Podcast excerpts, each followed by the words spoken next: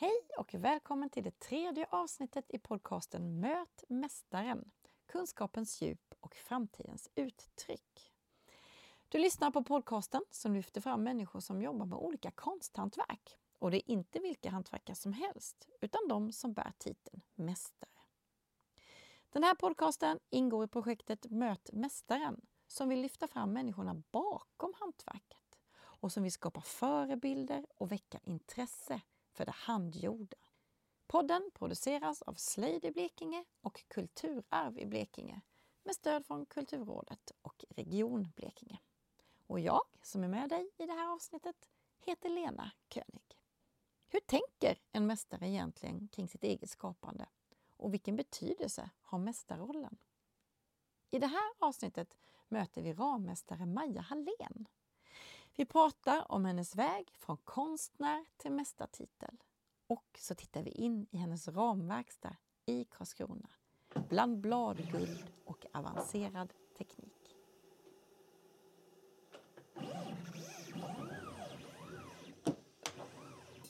Jag heter Maja Hallén och jag är konstinramare och jag har haft mästarbrev sedan 2017.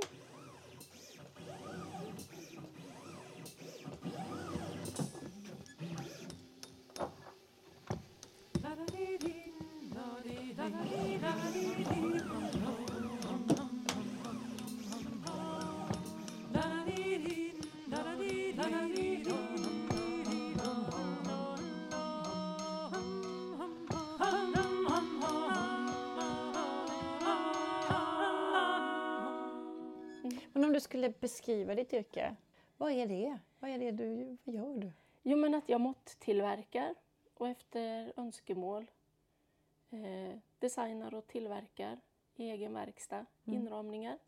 Och då kan man rama in konst, fotografier, saker, gamla kartor. Allt, Allt. kan man rama in. Och det, och det är bara, är det bara, men är det Mm. bara tavlor på väggar som är, eller vad Ja, det är det annat? vanligaste. Ibland kan man ju göra något som ligger som en showpiece på ett bord eller så. Mm. Om man vill att det är något som är skyddat. Eh, eller med plexiboxar.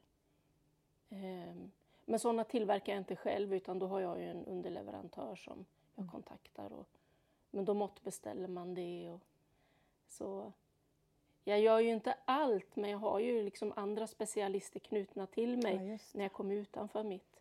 Ganska vanligt är att eh, eh, jag förmedlar kontakt till konservator. Mm. Eh, om det är något som behöver restaureras eller kollas igenom.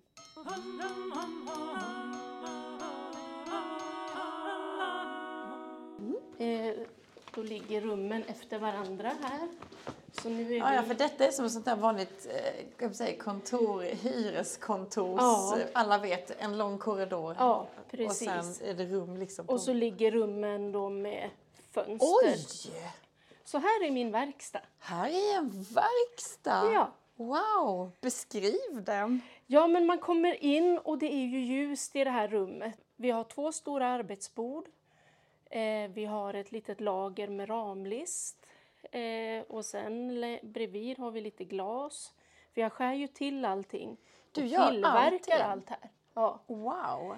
Eh, och ehm, här har vi en stor såg.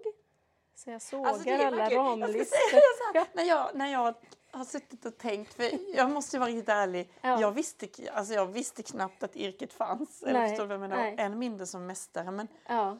men eh, ja, jag har sett så att du har beställt lite ramar och så har du ramat in åt folk. Lite Ja. den.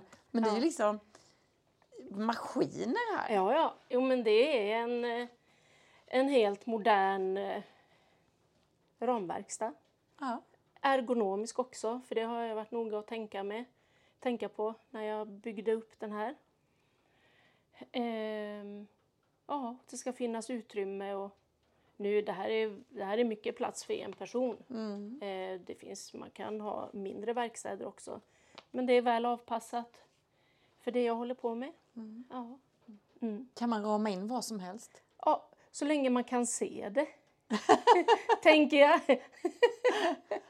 ja. Ja. Det är bara, man får tänka till. Eh, om det är liksom objekt, det, det kan jag ju få gå och fundera lite på hur jag bäst fäster upp. För ett så ska det vara osynligt, alltså det ska ju, om man ramar in saker så kan det vara en finess att det ser ut som att det svävar. Mm. Ibland kan man låta infästningarna vara synliga för att det är en del av designen. Men sen det som jag kan få fundera lite extra över det är att det ska vara skonsamma monteringsmetoder. Och det gäller ju både för papperskonst och foto och objekt. Och vad menar du när du säger Ja, skonsam? då ska man kunna avlägsna det jag har gjort. Ah, Så om jag såklart. exempelvis monterar en bild svävande så man kan se om man har ett, jag menar ett, ett akvarellark med så här fina handgjorda kanter. Mm. Då vill man ju kanske visa det.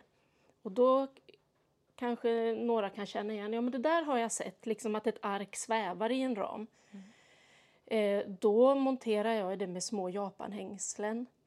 Och, med, och då är det klistret gjort på risstärkelse. För att du sen, om du ångrar dig och inte vill ha kvar den ramen eller om du vill sälja den eller någon ska ärva den vidare och gillar inte stilen så ska inte konstverket vara skadat. Det är ju mycket som jag får in gammalt, då är det ju limmat Ja, och dittryckt. och då blir det ju skador. Ja. Så det är det, mycket av liksom yrkesskickligheten ligger i att jobba reversibelt, Mm. som vi säger, och med skonsamma monteringstekniker. Ja.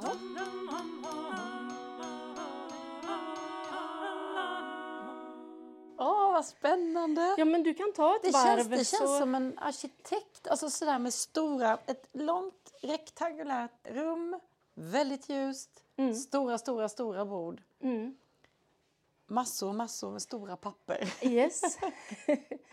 eh, ja, men jag ville ju kunna göra stora saker. Ja. Så det här bordet går ju att avetablera så att jag kan göra jättestora saker. Mm. Eh, men också ha vissa processer gående parallellt. Mm. För det är ju sällan så att jag börjar med en inramning så gör jag den hela vägen till slutet. Utan jag kanske skär passepartout först och då skär jag ju liksom till alla inneliggande order. Och Ja, sen så sågar jag ramlist så, så gör man ju liksom i små omgångar.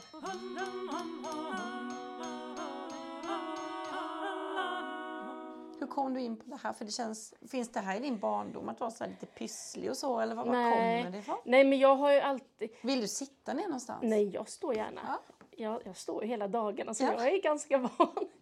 eh,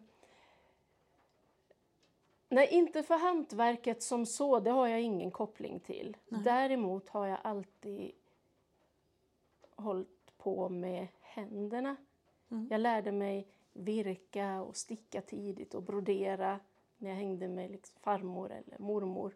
Så det finns det där Ja, så, så pysslandet liksom det där med handen Mm. finns, har jag kommit på nu. Liksom, att, ja, men det finns någonting där. Mm. Ehm, och som jag sa så hade jag de här tre benen. ehm, ram, konst och grafisk design när jag startade.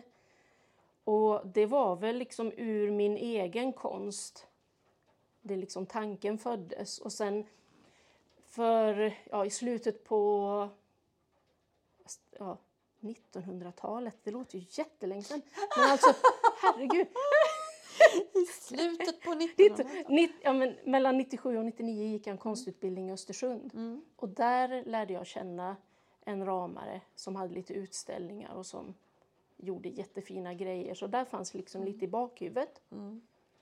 Eh, men från att jag skulle rama mina egna grejer till att jag började fördjupa mig och eh, det gick ganska snabbt. För man kan ju inte bygga en verksamhet på att rama sitt eget. Nej, nej. Eh, då får man ingen tid över till att vara konstnär.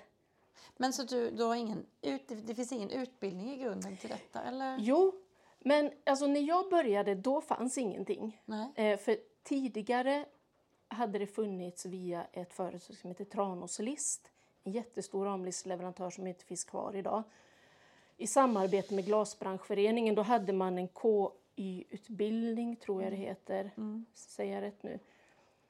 Men då när man... eh, Är det staten eller vem det är som kollar? Då var det inte tillräckligt många som började jobba i yrket. Så då fick inte det fortsatt medel. Eh, och, så det konstaterade jag ju ganska snart att den chansen hade jag inte för den var nedlagd. Mm. Eh, eh, nu kan man gå som lärling två år. Just. Eh, det finns en aktör i Stockholm och sen Leksands folkhögskola. Så då skulle jag kunna ha en lärling här. Mm. Och så, så är det kopplat till liksom i folkhögskoleform. Mm. Och det kom till stånd, jag tror att det var 2011, eh, så fick Hantverksrådet i uppdrag att undersöka hur gör vi för att bevara kunskaper i smala hantverksyrken Mm. och hur ska man kunna utbilda sig. Och då klassas mitt yrke som ett smalt hantverksyrke. Ja, Och då, då, ja, då finns vi med där. Eh, så då kan man liksom med studiemedel eh, lära sig det här yrket.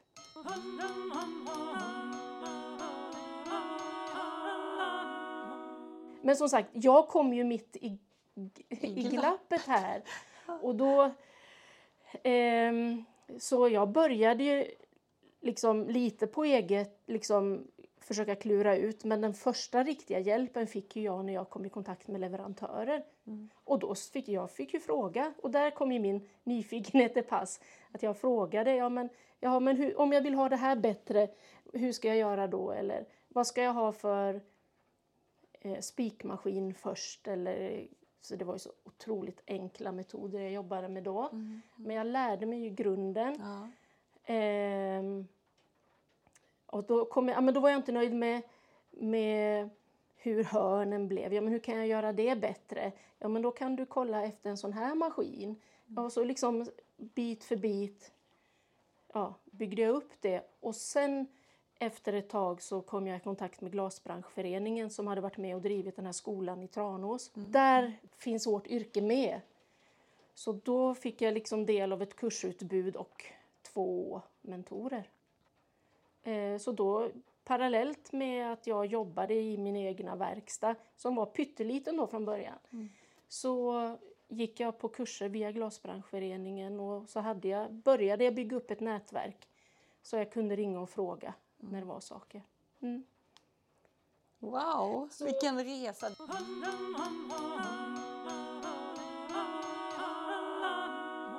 Det är ju en del intresserade som ringer till mig och frågar.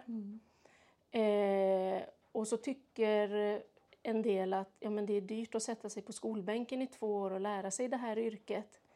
Men den vägen jag har gått, jag har gjort alla misstag själv, så har jag ju liksom fått läsa mycket och liksom läst en text och testat olika tekniker med jag pratar om hur man fäster bilder. finns det olika, där använder man oftast japanpapper eller annat syrafritt arkivbeständigt. Så finns det T-hängslen, S-hängslen, V-hängslen. Det har jag ju liksom läst om Ja. innan jag kom på mina första kurser. Och när man sen träffar någon som visar hur man gör det. Ja, nu står jag här och, och visar mina händer när jag pratar med dig. Så är det så självklart. Och det är ju en dold kunskap. Så att jobba bredvid någon, då, då överförs ju kunskap på ett mycket mer naturligt sätt. Man ser och iakttar och kan göra likadant. Ehm, ehm, och, och, men då säger jag till de som tänker att det är billigare om man säger att börja på det sättet jag gjorde. Men jag har ju fått lägga väldigt mycket tid. Jag har ju fått göra alla misstag från början.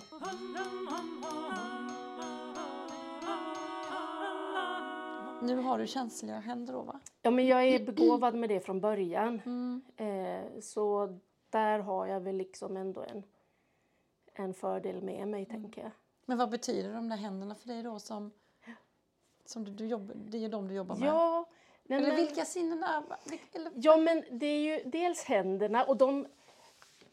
Nu när du ställer frågan, jag tar ju dem för givna. Mm. Jag, tar, det är för mig, jag tar ju bara det för givet, att de är där en del av mig och fungerar.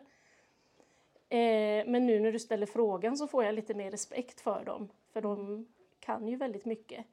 Men sen för mig är det också en annan del, det är det här liksom att designa och den kreativa delen är mer en eh, den kanske känns mer påtaglig. Och det blir ju nästan lite omvänt, för det är ju kanske en mental process mer. Mm. Mm. Men där kan jag ju se och tänka ut och föreslå saker. Eh, för jag, jag testkör i huvudet olika alternativ. Mm. Det gör till exempel inte min man. Alltså han jobbar med något helt annat. Mm. Men om vi ska liksom titta på saker eller så. Så där är vi olika. Eh, Men det är ju en mental process. Men den upplever jag på något vis mer påtagligt än det jag faktiskt gör med händerna. För de tänker jag, de är bara en del av mig. Är de det verkligen? En del av mig. Ja, alltså bara... Nej men de, De- är... Jag bara menar, man säger ju liksom att handen, Mm. handen är en förlängning av Ja, hjärnan ja, och så. Och ja. att, eh, man vet ju bara när man rotar i en väska. Man ska hitta sitt lypsyl och så. så känner man det. Så känner man det. Ja, Alltså utan fingrarna så... Alltså, vi kan inte bara använda ögonen. Och, Nej. utan de är ju mycket, mycket mer... Man kan ju treva sig fram i Ja, ja, ja, mörker och veta absolut. exakt. Ja. Jo, men och det där är jag... Jag är jättebra på sånt. Mm. Jag vet ju vart jag ställer saker och når om det är mörkt eller sådär. Och som du säger, ner i en väska. Eller ner i en godispåse så kan jag liksom känna exakt vilken bit jag vill ha. Ehm, men, nej, men det har nog kommit så naturligt för mig så jag bara tänker på... Däremot om jag liksom, jag har någon gång skurit mig. Mm. Eh, då blir jag ju varse liksom, oj då, det får inte hända någonting med mina Just det. händer. Det blir väldigt tydligt. Ja, de är ju jätteviktiga. Mm. Och det finns väldigt mycket dold kunskap där. Ja. Och det är ju lite temat på den här podden. ja. Eh, och, och det där ligger ju mig varmt om hjärtat, den typen av kunskap. Mm. För jag har en akademisk utbildning med mig också. Mm. Och eh, har liksom intresse, alltså jag har båda delarna. Men handens kunskap har ju inte lika hög status som en akademisk kunskap. Nej. I, Hur ser du på det? ja, men, Alltså, för, känner, för, du, som du säger, Ja. du, du står på båda. ja, men för mig är det självklart att det är lika mycket... Den ena kunskapen är inte finare än den andra. Nej. Utan däremot så skulle det ju kunna vara så, alltså hantverksyrken där liksom handen är med eh, och det inte finns så mycket nedtecknat, för det finns inte jättemycket skrivet i mitt yrke. Eh, nu är vi ändå inte det minsta hantverksyrket, men det riskerar ju att dö ut om det inte finns någonting nerskrivet. Mm. Eh, men eh, många akademiska yrken, där finns det kanske liksom löpmeter skrivet. Så där bevaras kunskapen på ett annat sätt. Mm. Men i hantverksyrken så traderas kunskapen på ett, alltså just via handen Mm. och att man jobbar bredvid någon. Mm. Så då kanske den kunskapen är ännu viktigare för att återuppväcka den kunskapen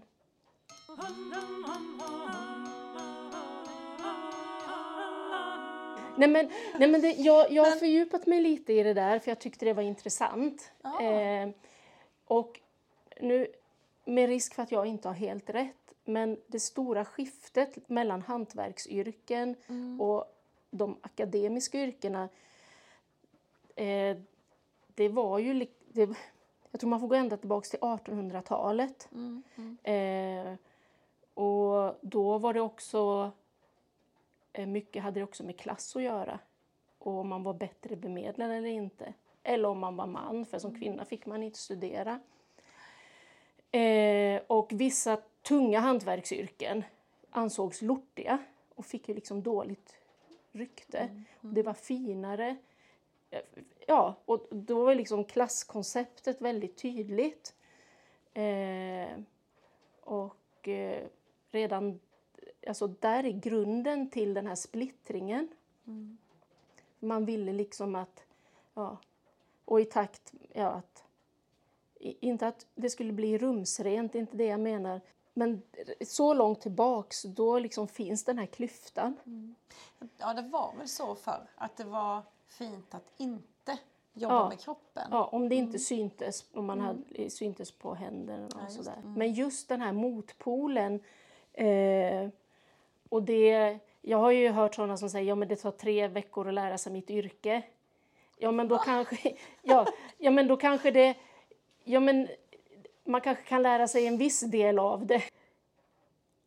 Och, och så har jag ringt till mina mentorer som har jobbat i branschen i 40 år och frågat om saker och de Va? Det här har jag aldrig varit med om. Va? Vad har du fått in för någonting? Så det kommer ju, alla specialfall och sånt kommer ju till oss. För de kan man inte kanske trycka in i en IKEA-ram. Nu sa jag ett möbelföretag. De kan man inte lägga in i en färdigproducerad standardram. Nej, nej. Ehm, och då blir ju såklart i hantverksyrket, det, prisbilden stiger ju. För det är en människa som producerar det och det är inte en maskin som producerar. Och då... Och därför var jag på, ganska tidigt på det klara med att jag kan inte konkurrera med pris. nej. Utan jag får ta betalt med min kunskap och min kvalitet. Mm. Fortsätta liksom leverera bra jobb.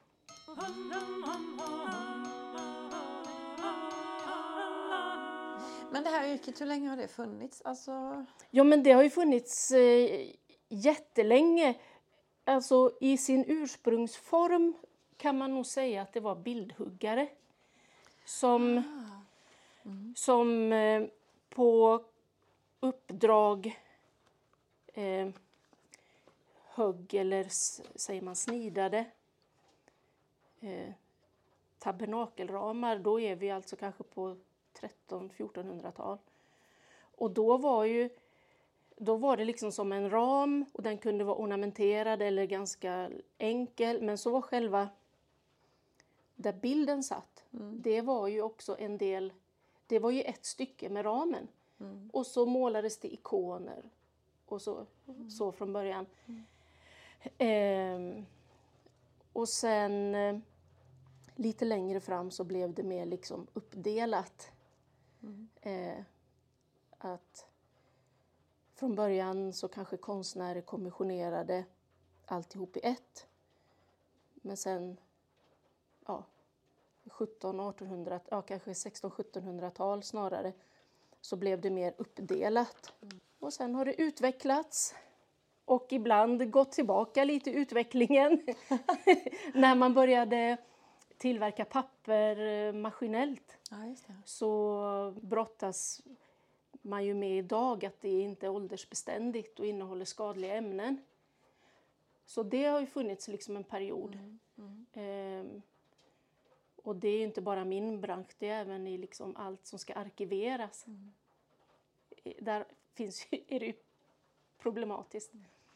Men nu ja, så jobbar jag exempelvis med syrafria kartonger. Det finns ju olika varianter. Ja, mycket sånt det måste vara att tänka på. Ja. Ehm, så då ska det ju förhoppningsvis hålla ett tag när man har varit här hos mig. Mm. Kan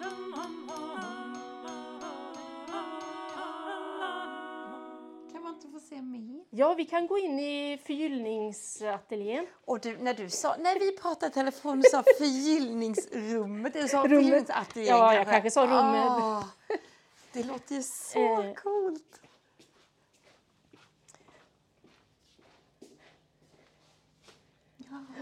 Och det, det rummet vi ska in i nu, det var mitt andra rum på min lilla liksom, utveckling. Ja. Nu har jag ju tre rum i fil, fast nu är det ingen våning vi är på. Men vi är Rama förgyllningsrum. Oh, Ja, men här har jag dukat upp lite så du ska få se vad det är jag gör.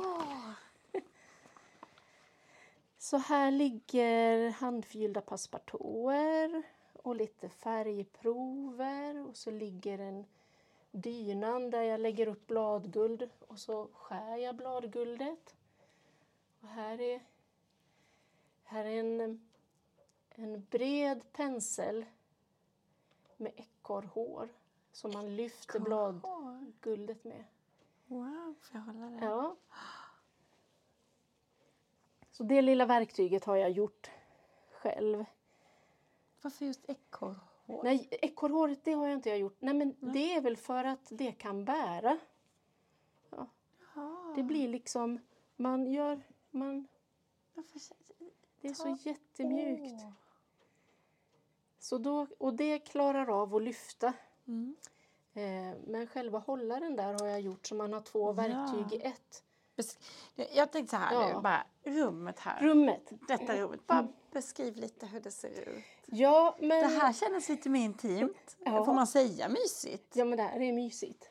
Det här Mm. är ju ett, det här är ju ett, det här är kanske det mest kreativa rummet. Ja, det känns... Det, alltså, det, väggarna är fyllda med små... Ja. Det är hyllor. med- Det är mycket, mycket penslar. Mycket, det, Ja. det känns mer som en verkstad. Ja. Om man säger så. Jo, men när man kommer in Mm. så har man ju då en liten utslagsvask Mm. med, där det står glasburkar som jag kokar olika limmer och blandar olika blandningar.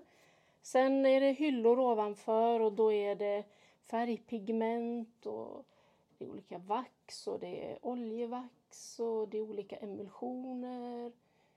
Eh, och sen är det lite färg och ja. Men alltså att lära sig detta, det måste ta... Det här har du gått kurs då sen, eller? Ja, nej, men jag tyckte det var roligt. När jag skulle göra den teoretiska delen av mitt gesällprov Mm. då åkte jag till en mästare i Malmö. För att det får man ju inte sitta och göra själv utan det får man göra under överinseende av någon. Och då hade hon sagt innan, ja men då när du kommer den dagen, då åker vi runt lite. Och så presenterar jag dig för, för liksom, några som jag känner. Och då åkte de till en inramare i Limhamn. Mm. Och där hade de en hel vägg full med äkta guldramar. Alltså inte solida. Men ja, som handförgyllda. Och, och det var liksom det finaste jag sett. Så då låg jag och dagdrömde en hel natt. Jag visste inte hur jag skulle... Det, det bara liksom tog tag i mig sådär på djupet. Ja. Så jag visste liksom inte, herregud. Hur? Ja, jag blev helt tagen.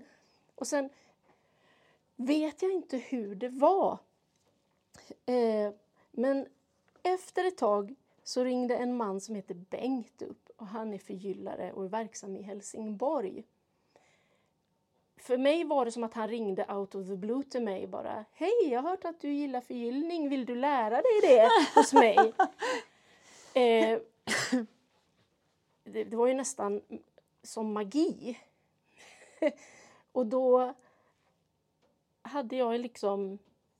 Jag var ju sugen på att göra någonting mer Mm. än bara liksom vanliga ramar. Eh, sen var det nog så att tjejen i Limhamn hade pratat med honom. Ja. Men det visste inte jag då och det fick jag reda på. Alltså, det var inte alls så länge sedan jag frågade men hur kom det sig att du bara ringde till mig? ja men då är det en man som är generös med kunskap och som delar med sig. Alla är ju inte sådana. Men jag har ju hittat under hela min karriär har jag ju hittat sådana som har varit villiga att dela med sig. Och det Eh, måste väl vara otroligt viktigt för att ett sånt här yrke ska leva kvar? Ja. Och vad förlorar jag på att visa någonting om någon frågar mig om, eller frågar om man har problem med någon till inramning eller så. Eller om jag visar ett trix jag har kommit på. Eh, och jag menar, det var ju en sak att han visade mig hur förgyllning gick till. Mm. Men det tar ju jättelång tid att lära sig det. Det tar jättelång tid att bli bra på det. Hur funkar det? Hur gör man då? Ja, men då har man först ett träämne. Då kan man ju tänka sig, alltså en furulist är vanligast i Sverige. Mm. Eh, vi har också framför oss en praktram, alltså en väldigt ornamenterad ram. Det. Som ser ut som blad och sådär som... Ja. Eh, det är en florentinsk ram från Italien. Och det är lind, heter det träslaget. Det är ju vanligt när man snider, när man täljer. Ja, nu får alla bildhuggare få ha överseende. Men när man gör det här... ehm, närmast kanske man hittar sånt i våra kyrkor. Ungefär så, Ja, så precis. är Ja, den ramen. så, ja. Eh, ja, men då var ju den helt i trä. Mm. Och så det här är lerpigment. Det är liksom ett rött parti och sen är det gula partier. Och det är samma lerpigment. Och sen har jag ju liksom lagt bladguld på alla de här. Och så polerar man med en agatsten. Då är tippen på... Hur, hur ska vi beskriva de här? Det är som långa kraftiga pennor med agat tippar. Agat är alltså en halvädelsten, om Mm, inte det jag är fel. Och hade jag sett det så tänkt jag att det var någon slags plast. Ja, Hade jag sagt ja. då. Mm. Och, Som ser ut som en liten korv eller böj. ja, som en liten, den här kallas för hundtand, kallas Ja, den för att den ser ut lite som en Ja. hundtand. Ja, visst. Jo, om man, för när man lägger guldet så är det matt och om man vill ha glans på det Mm. då får man liksom, då polerar man det med Aha. den stenen. Mm. Så den här är inte riktigt klar. Men det är guld, guld, guld alltså? Ja, det är ja, säga. 24, eh, 23,75 karat. Är det, så ligger det sånt i den? då, Ja, eller hur ligger såna här i. Då ligger guldbladen, kallas i små böcker just för att det ser precis ut som böcker. Ja. Nu är det nog, har jag nog samlat småbitar här i Mm. som, som har blivit över. Eh, Och det är som såna gamla kinesiska bokmärken ja, som jag samlade när jag var Ja. liten. Som är så tunna, tunna. tunna, tunna, tunna. Ja. Och de här kan man ju i princip inte ta med handen Mm. utan som laddar den lite, borsten så att den kan lyfta. Mm. Wow. Och det köper man efter dagspris. Ja. Så det vet man aldrig hur mycket det har ökat jättemycket i pris. Ja. Eh, men eh, som Bengt som har lärt mig förgyllning säger till sina kunder, sådana som han känner lite mer. Mm. Ja, men det är dyrt med guldet på sådana här. Ja, men du kan få guldet av mig, säger han. Om du betalar för tiden det tar att göra det. Mm. För det tiden är ju liksom alltid det dyraste. Ja, ja, Sen kostar såklart guldet, Mm. men det är tiden. Mm. Innan man kan lägga guld på en yta, då kanske det är 16-17 lager uppbyggt. Och så slipar man. Oj. För det, måste, det får inte vara skrovligt. Här är en som är, här har jag lagt det första. Nu tittar vi på en, en vit ram som det ser ut som det ligger någon liten gipsblandning på. Ja, det gör det. Eh, och det är, då kokar jag ett lim och så blandar jag i krita och ibland blandar jag i något annat. Eh, och så penslar man den. Mm. Och då kanske man penslar den tio gånger. Och sen slipar man den och sen kanske man penslar lite till och slipar igen. Och sen väljer man färger av de här lerpigmenten. Mm. Och då penslar man dem x antal gånger. Oj. Och sen kan man lägga guldet.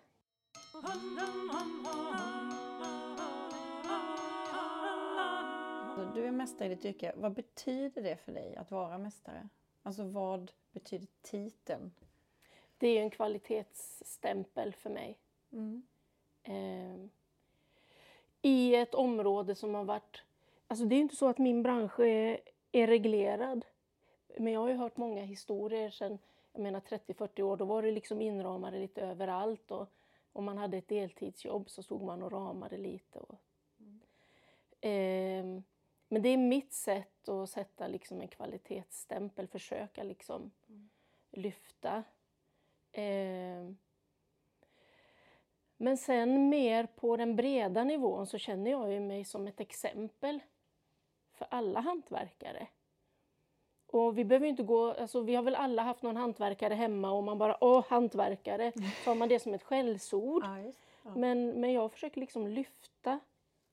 Eh, jag är också hantverkare. Eh, och,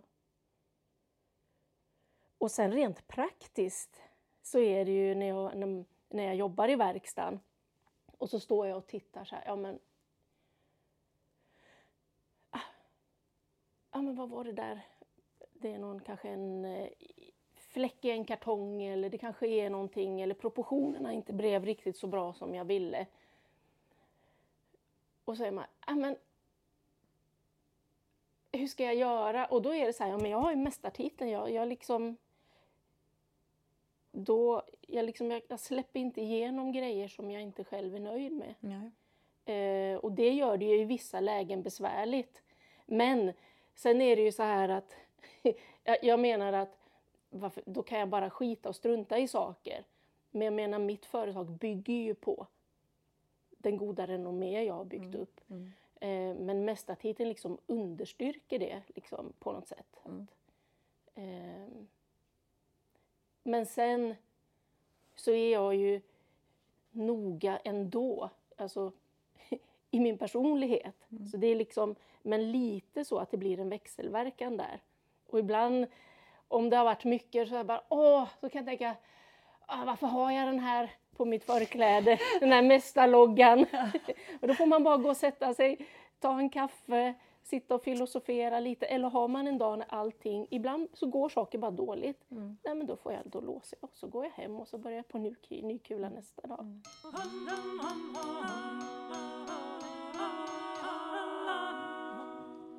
Men om du får in, du får in en, ett litet konstverk, Ja. någonting, och så säger någon gör något fint. Ja. Vad, vad, är- hur, hur, hur går, hur gör du då? Alltså, hur, Om jag får fria händer? mm. Eh, ja, men, eh, ja men då tittar jag på det och sen låter jag det ligga lite och marinera. Eh, sen om det är en kund som jag haft innan, då kanske jag har lite referensmaterial. Är det en första gångs kund hos mig, då skulle jag nog ändå bolla över, så här har jag tänkt. Bara så att inte jag är liksom helt ute. Mm. Eh, men då hade jag nog, då hade jag kanske gjort... Eh, så det går ju perioder, så har jag olika favoriter. Någonting som jag tycker är väldigt fint, det är att lägga liksom ett litet sväv emellan så här. Mm. Så man jobbar med lite djupverkan. Ja, det, det var snyggt på något Ja. Jättefint. Och det är fint, dels med flera, men, men säg att du har ett grafiskt, jag säger att du har ett väldigt luftigt grafiskt blad eh, här Mm. med fri form.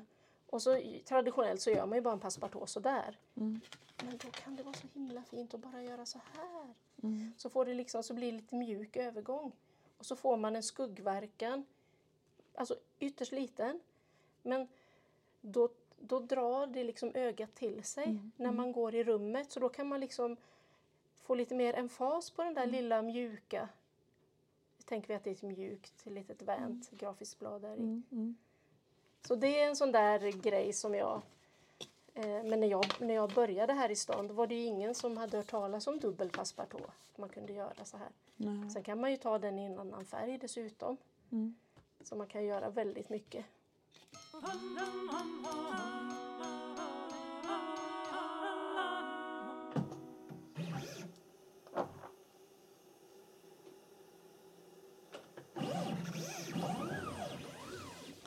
Det är då passepartoutskäraren. Den är gi- digital. ja, så man gör inte det för hand? Nej, Nej. jag gjorde det i många år. Mm. Men sen investerade jag i en digital. Eh, eh, och då, det går att skära liksom ovaler, snirklar. Så då matar du in i datorn eller? Ja, då har jag en Wow. dator till det. CNC-maskin är det här en typ av. Eh,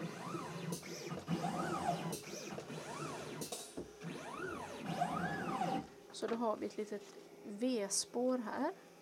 Wow! Det här kan man skära för hand, men det är, det är jättesvårt. Mm. Eh, Men då har man ju... Jag, jag skar i många år på en väldigt rudimentär eh, passepartout-skärare. Då, det var ju liksom för hand med ett snedställt blad. Eh, men att göra ett sånt här, det... Då hade man fått uppgradera sig till snäppet över eh, de- den jag skar på kallas för plankan. Okej.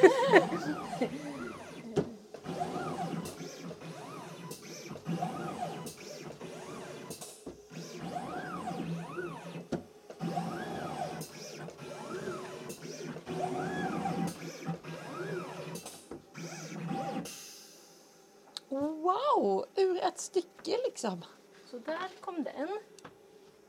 Ah! Vad coolt!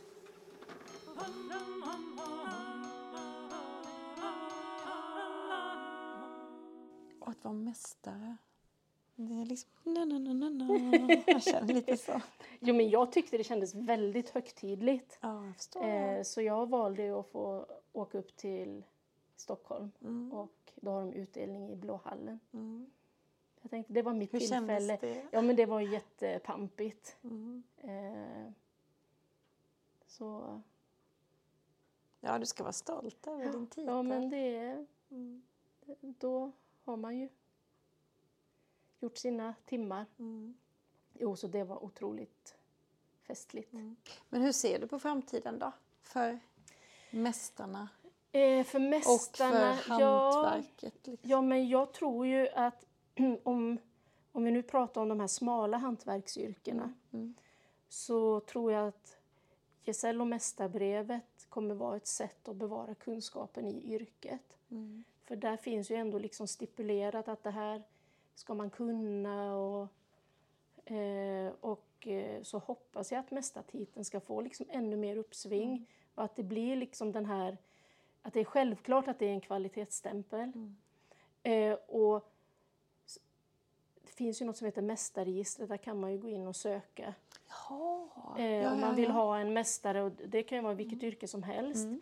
Men, eh, och, ehm, men det hade jag hoppats att det, att det nästan skulle vara givet att, så att det är standard och så kanske man väljer bort av någon anledning. Mm. För det, ju, det finns ju anor sedan medeltiden var det ju liksom gesäll och mästartraditionen Mm. började. Mm. Ehm, så det hoppas jag. Ja, nej det är så. Ser man den där, den där bilden, eller den, Ja. eh, det heter inte diplom, eller vad heter det? Ja, Eller intyg. ja, Ja. Så, man har nog sett flest hos frisören. Ja, Det där. det är det största och målare. Eh, frisörer och målare. Ah, ja. Mm. Eh, för det är ju... Men det har vi också faktiskt i vårt yrke. Jag pratade med en målarmästare som anställer och där är det ju liksom, när du har gått en utbildning så tar du gesällen, det är ingen snack om saken. Nej. För dels är, så bumpas Just lönen upp lite Mm, och de vill ha en garanti på att de har liksom duktig personal. Mm. Men även i mitt yrke, om man är branschansluten, så är det ju stipulerade en löneökning Mm. om man har gesällbrev. Och eh, jag fick faktiskt, de skickade fel till mig min första lilla legitimation. Då stod det att jag var frisör. Nej! Och då tänkte jag, okej jag skrattade lite åt, jag blir det nödår får jag väl klippa någon dag.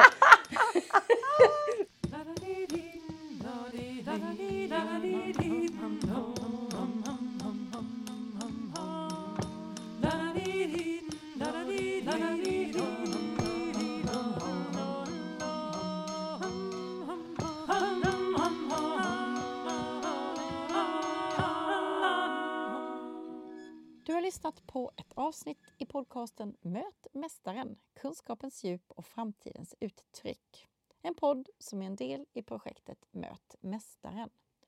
Just det här avsnittet gjordes av mig, Lena König, på uppdrag av Slöjd i Blekinge och Kulturarv i Blekinge med stöd från Kulturrådet och Region Blekinge. Musiken du hörde i avsnittet den är gjord av riksspelman och folksångerskan Astrid Selling. Vill du höra fler avsnitt om mästare så eh, kommer det fyllas på lite efterhand. Så håll utkik eller följ podden så får du en påminnelse när det kommer ett nytt avsnitt. Och podden finns där poddar finns.